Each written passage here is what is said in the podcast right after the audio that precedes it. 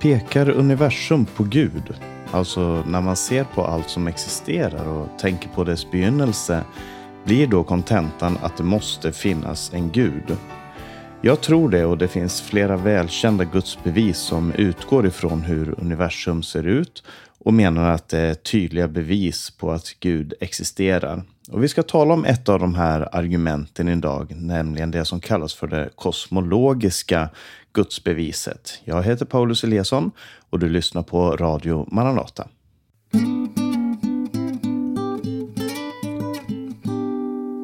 Det kosmologiska gudsbeviset är antagligen det mest kända av de så kallade gudsbevisen eller argumenten för Guds existens.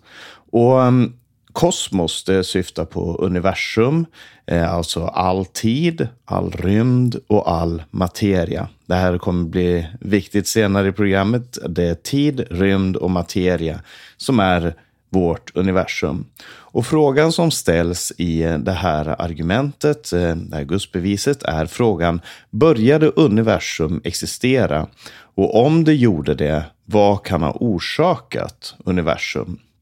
Och den kristna filosofen och författaren William Lane Craig, han har gjort det här argumentet populärt och har försvarat det i både böcker böcker och artiklar och debatter som du också kan finna online om du är intresserad. Om du söker på William Lane Craig och Debate så kommer de upp. De är på engelska, men om du behärskar det så är det väldigt intressanta samtal som finns där. Ehm, och man kan formulera det här argumentet på lite olika sätt, men eh, Dr. Craigs formulering kallas för Kalams kosmologiska gudsbevis och det är det argumentet och den versionen av det kosmologiska gudsbeviset som jag tänkte att jag skulle förklara idag. Och så här ser det ut som ett logiskt argument. Punkt 1. Allt som börjar existera har en orsak. Punkt 2. Universum började existera. Punkt 3. Alltså har universum en orsak. Så enkelt, tydligt och väldigt logiskt är det. Det är två premisser och om de premisserna är sanna så följer konklusionen rent logiskt. Vi tar det en gång till. Allt som börjar existera har en orsak. Universum började existera, alltså har universum en orsak. Och det finns en andra del av det här argumentet och det ska vi komma tillbaka till. Men låt oss först se på de här två premisserna och konklusionen och se om de är sanna.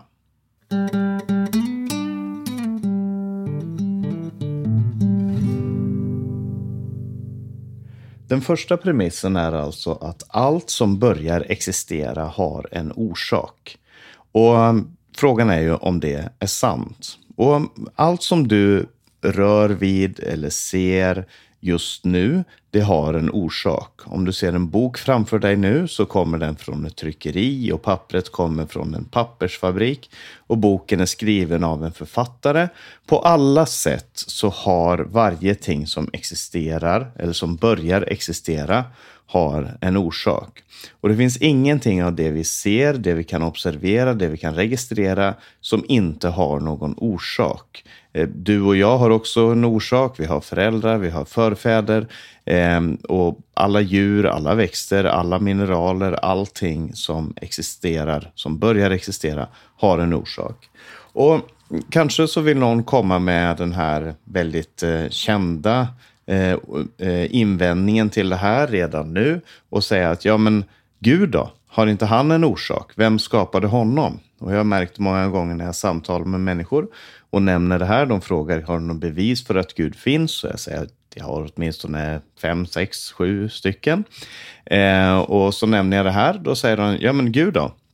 Och observera att vi har ännu inte kommit in på att det är Gud som är universums orsak. Men, men eh, för all del, det, det är en eh, bra fråga och det, det, är en adekvat fråga.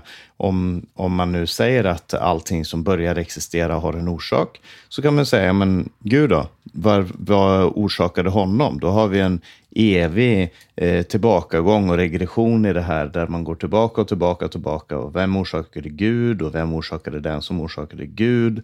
Och vem skapade det och vem skapade det? Eh, men det vi sa här i eh, argumentet är att allt som börjar existera har en orsak. Alltså det kan finnas saker och ting, eller vi kan tänka oss begrepp som till exempel tal eller idéer. Eh, skulle man kunna tänka sig existerar nödvändigt. Alltså allting existerar antingen av en orsak eller av nödvändighet.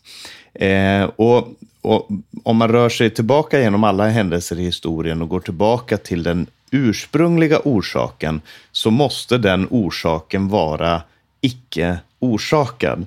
Alltså den, den kända eh, katolska teologen Thomas Aquinas, han talade om den oberörda beröraren. Jag vet inte riktigt hur man översätter det här till, till svenska, men, men det finns någon som är den första igångsättaren av alla processer. Och den första igångsättaren av alla processer kan själv inte vara orsakad, skapad. Så något eller någon existerar utifrån nödvändighet. Eh, oavsett om man är ateist eller kristen så måste man tro att eh, någonting orsakar eh, någonting existerar utan orsak. Eh, poängen just nu är inte att det här någonting är Gud eller någon är Gud, utan att oavsett vad man anser om alla tings orsak så måste någonting existera utifrån nödvändighet. Men ändå så består det här eh, argumentet då att allt som börjar existera har en orsak. Det är den första punkten.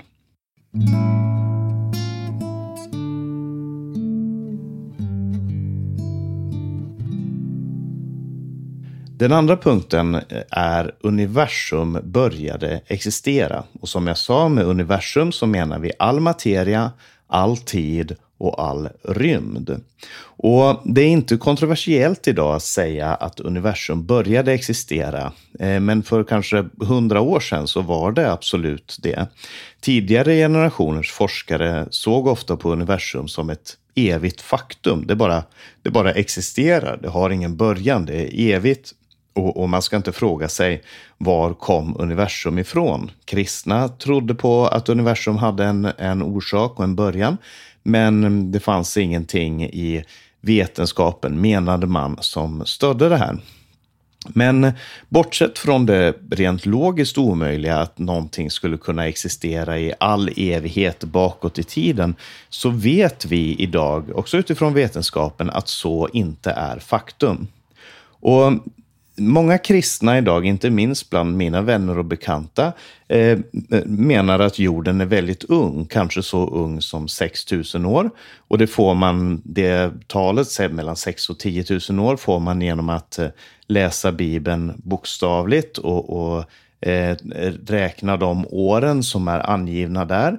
Eh, tillbaka till Adam och så får man en ålder på runt ja, mellan 6 och 10 000 år. Men de flesta kristna idag, och där inräknar jag nog också mig själv, har inget problem med att bejaka att universum kan vara flera miljarder år gammalt. Alla observationer som görs verkar peka mot att universum är runt 13,7 miljarder år gammalt och att det expanderar. Vi kan naturligtvis bråka om ålder och liknande. Men oavsett vilken syn man har, om man tror att eh, jorden är 10 000 år gammal eller 13,7 miljarder år gammal eller någonting däremellan, eh, så, så eh, är vi eniga om att universum började existera. Eh, och det, det är det väldigt få som, som kan och som eh, säger emot. Universum började existera. Du kan söka på eh, Edwin Hubble som kom med den så kallade Big Bang-teorin. Eh, och där, där, på en punkt så är, så är eh, Big Bang-teorin faktiskt eh, enig med även de mest konservativa kristna idag på en punkt, nämligen att universum började existera. Och den här insikten har skapat problem för de som tror att universum har kommit till utan en skapare eller utan en orsak. Därför att någonting måste ha satt igång processen.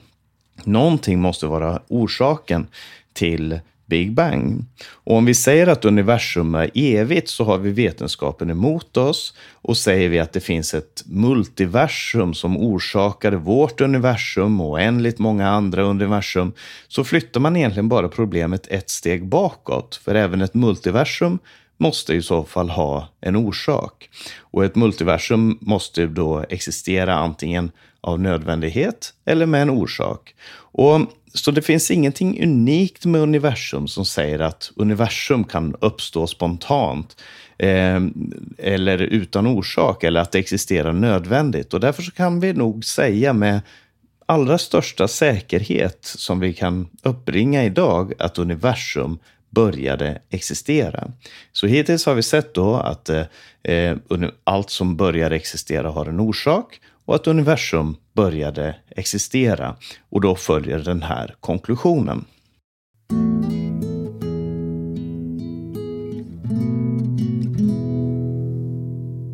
Konklusionen är alltså, alltså har universum en orsak. Och det här påståendet är bara en logisk konklusion av det vi redan har sagt. Och det i sig är helt okontroversiellt. Så om det är sant att allt som börjar existera har en orsak och om det är sant att universum började existera så är det sant att universum har en orsak. Men vi har inte visat med det att det är Gud som är universums orsak. Kanske det är någonting annat eller någon annan. Först så kanske någon vill säga, ja men det här, om nu det är en gud som har orsakat universum så är det ingenting som säger att det är Bibelns gud. Det skulle kunna vara Allah eller Odin, eh, Oden eller Zeus eller någon annan gud. Varför just Bibelns gud? Och utan att gå in på de olika religionens gudar och, och skapelsemyter och så, och så vidare, så vill jag ändå förklara att det här argumentet inte identifierar Gud, som vi talar om, med Bibelns Gud. Det säger bara att universum har en orsak. Och det jag vill att vi ska se är att den här orsaken måste vara någon som liknar Gud väldigt mycket. För om universum har en orsak så måste vi kunna säga någonting om vad har orsakat universum. Det kan inte vara en maktlös hamster. Eh, det kan inte vara en sten. Eh, utan bara utifrån vad universum är, nämligen all tid, all rymd och all materia så förstår vi att det som orsakade universum inte själv kan vara bunden eller kan vara komponerad av de här sakerna. Så universums orsak måste vara för det första tidlös eftersom det som orsakade all tiden eh, själv inte kan vara bundet av tid. Så orsaken är tidlös eller evig om du vill. Eh, för det andra så måste orsaken till universum vara icke-materiell. Alltså om vi säger att eh, universum är all materia som existerar, så är det samma sak här. Den som skapade all materia kan inte själv vara sammansatt av materia eller ta plats i en rymd. Så är icke-materiell, icke-spatiell, som man säger, alltså tar inte ut någon plats. Eh, den måste också vara icke-skapad, alltså något eller någon som existerar av nödvändighet, som inte kan, som inte kan låta bli att finnas, så att säga. Eh, orsaken måste också vara otroligt mäktig. Och det är uppenbart eftersom det som orsakar universum själv måste ha en otrolig energi och kraft inneboende för att kunna orsaka universum.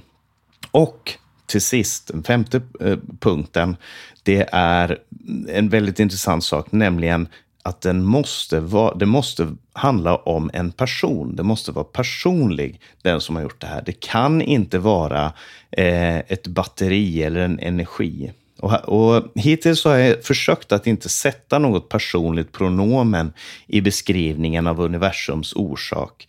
Men Tänk om universums orsak är ett batteri eller en energi som existerar utan fri vilja. Om det hade varit så, så måste det betyda att den måste orsaka vårt, vårt universum. Eh, och då skulle universum vara oändligt gammalt eftersom batteriet eller energin inte skulle kunna välja att skapa eller inte skapa.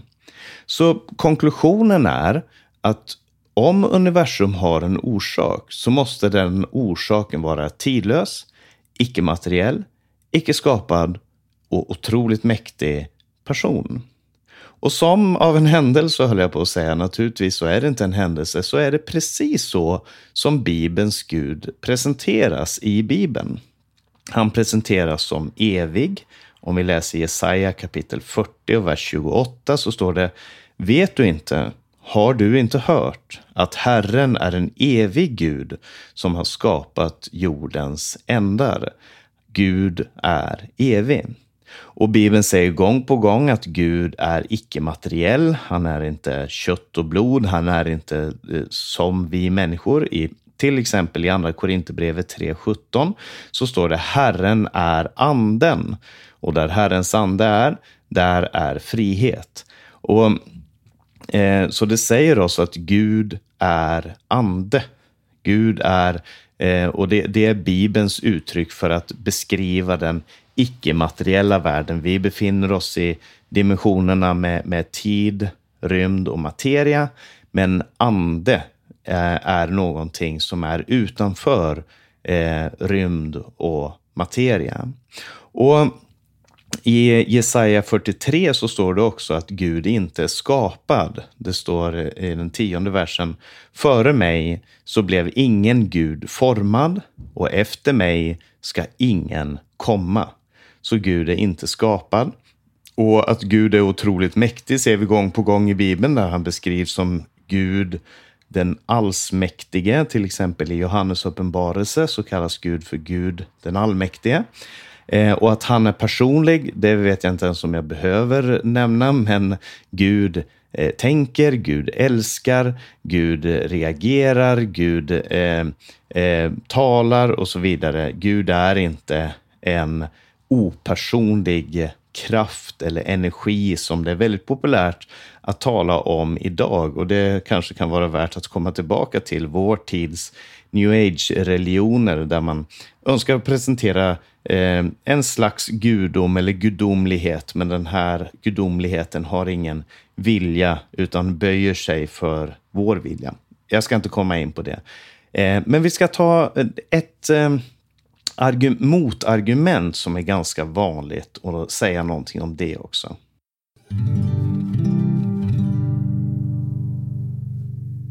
Låt oss se på ett väldigt vanligt motargument som väldigt ofta uppstår när man argumenterar om Gud utifrån vetenskapen. Och det kan handla både om eh, när man talar om universums uppkomst eller universums sammansättning eller hur livet uppkom på jorden, om under och mirakel, allt det här som man säger, det här kan inte förklaras på ett materiellt sätt. Det här kan inte förklaras med bara de modeller som vi har eh, tillgängliga ehm, eh, inom den materiella vetenskapen.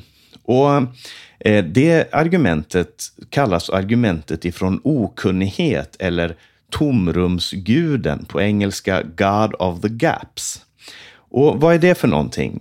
Vi kan ta ett exempel. För många hundra år sedan så visste man inte varför det blixtrade. Så då sa man till exempel att Gud eller Tor eh, orsakade blixtarna. Man visste inte och därför så tryckte man in Gud på de här platserna där det var fenomen som man inte kunde förklara. Det här är så argumentet går. Eh, men allt eftersom vi har fått vetenskapliga förklaringar på tid, vatten och stjärnhimlarnas rörelse och blixtar och jordbävningar så tycker vi att vi behöver inte Gud längre. Eh, det finns inte så många hål att stoppa in Gud på. Men så har vi fortfarande en del luckor i vetenskapen, som till exempel hur universum blev till, hur universum är så fininställt för liv, eller hur liv uppstod på jorden. Och så säger man så här att de kristna och, och, och andra ateister försöker stoppa in Gud i de här sista tomrummen. Och frågan är, är det det vi har gjort? Och Sanningen är att det finns en poäng i det här argumentet. Som kristen så ska man inte göra misstaget att man tror att någonting saknar en förklaring. Eh, bara för att någonting saknar en förklaring idag så kommer det aldrig att få en förklaring. det är helt uppenbart. Men så är inte fallet med vårt argument här, därför att det vi gör är att vi, inte, vi försöker inte stoppa in Gud i ett tomrum där vi säger här har vi ingen kunskap om vad som har hänt eh, och därför så, därför så stoppar vi in Gud här. Utan sanningen är den att vi har väldigt mycket kunskap om vad som har hänt. Vi, har väldigt mycket, eh, vi, vi, vet väldigt mycket om hur universum uppstod. Eh, men eh, frågan är, vad är den bästa förklaringen på eh, universums uppkomst? Existerar det av en slump? Existerar det av en, av en eh, nödvändighet? Eller existerar det av en orsak? Och antingen så kom universum till av ingenting, vilket är logiskt omöjligt. Eller så har universum alltid existerat, vilket vi idag vet inte är sant. Eller så är universum skapat. Och om det är skapat så behövs det en skapare. Så tomrumsguden eller det här motargumentet ifrån okunnighet, det håller inte ihop helt enkelt.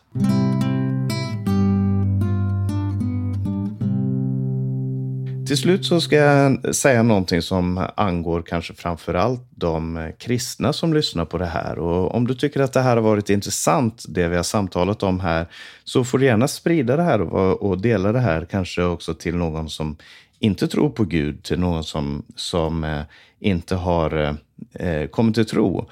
Och ehm, jag hoppas att det ska kunna vara till hjälp och, och, ehm, vägledning för de som funderar på vad det betyder att tro på Gud.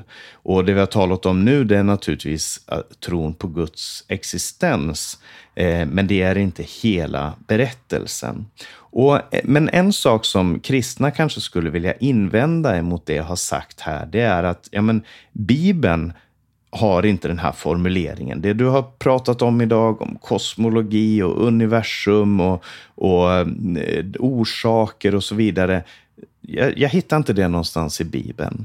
Och det är sant att Bibeln inte formulerar det på det här sättet, men Bibeln använder absolut universum som ett bevis på Guds existens. Och vi kan ta bara två exempel. Det första är från Romarbrevet kapitel 1, där det talas om hedningar som, eh, som säger att de inte känner Gud och som, som lever i uppror mot Gud. Och så säger, står det så här i den 20 versen.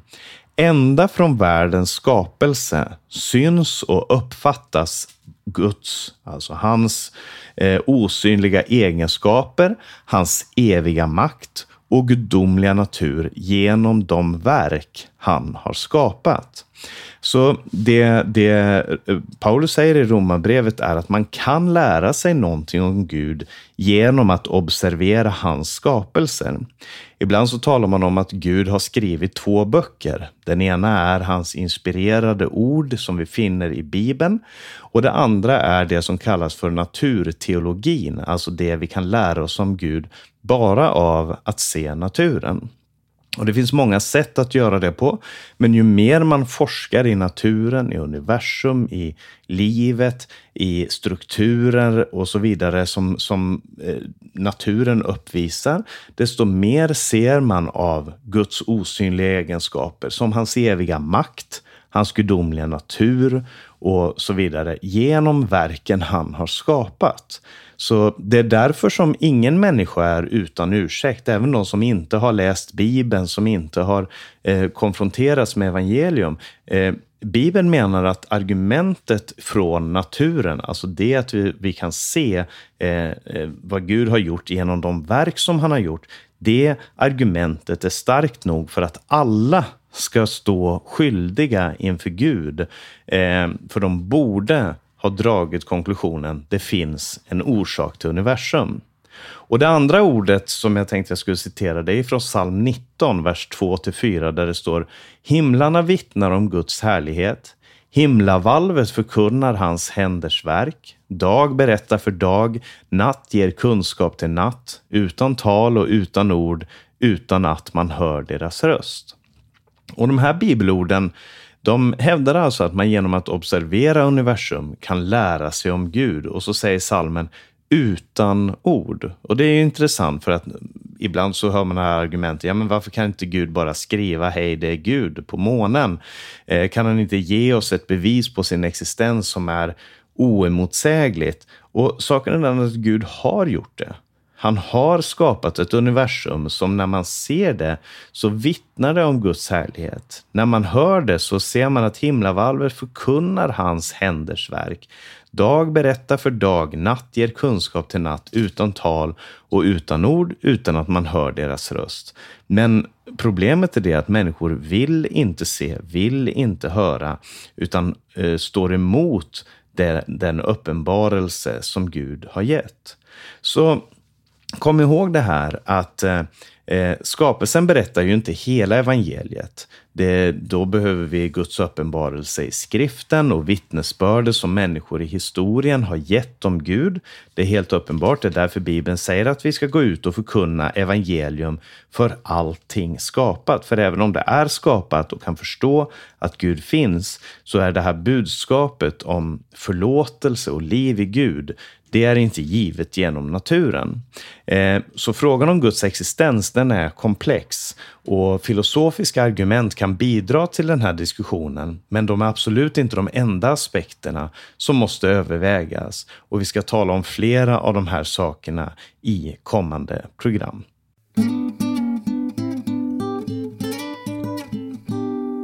Jag tänkte att vi skulle lyssna på sången O store Gud med Gösta Karlsson. Men först ska jag bara nämna att du har lyssnat på Maranata Podcast. Jag heter Paulus Eliasson och de här programmen har sänds över Stockholm och Örebro närradio. Var gärna med och sprid dem till andra om du tycker att det är av intresse. Eh, du kan komma i kontakt med Maranata via e-post info maranata.se eller ring 070-201 60 20. Sprid Guds välsignelse till alla och på återhörande.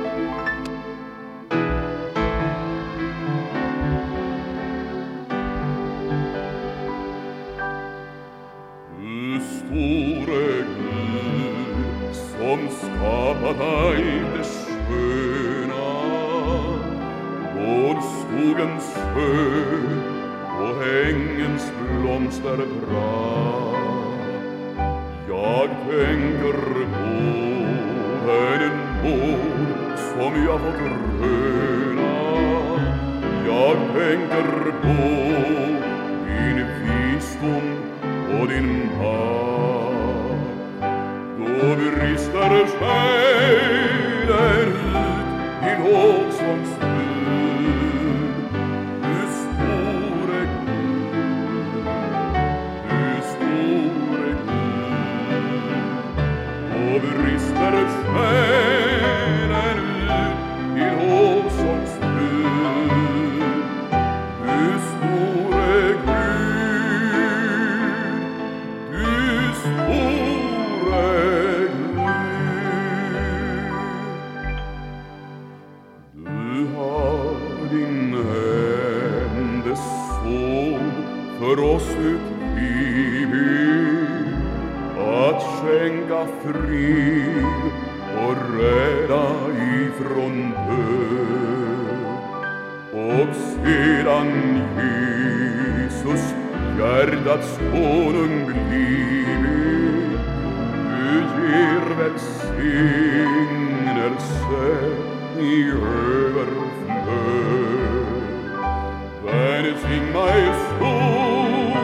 My Savior God, could hear how great thou art,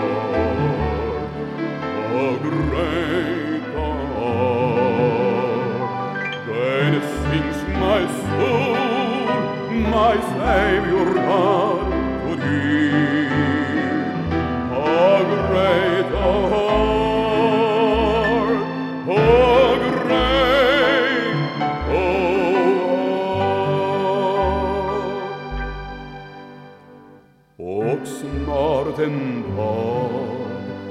skall Jesus komma åter och vi evigt vara honom när. Slut är all sorg och aldrig mer du gråter och själen jublar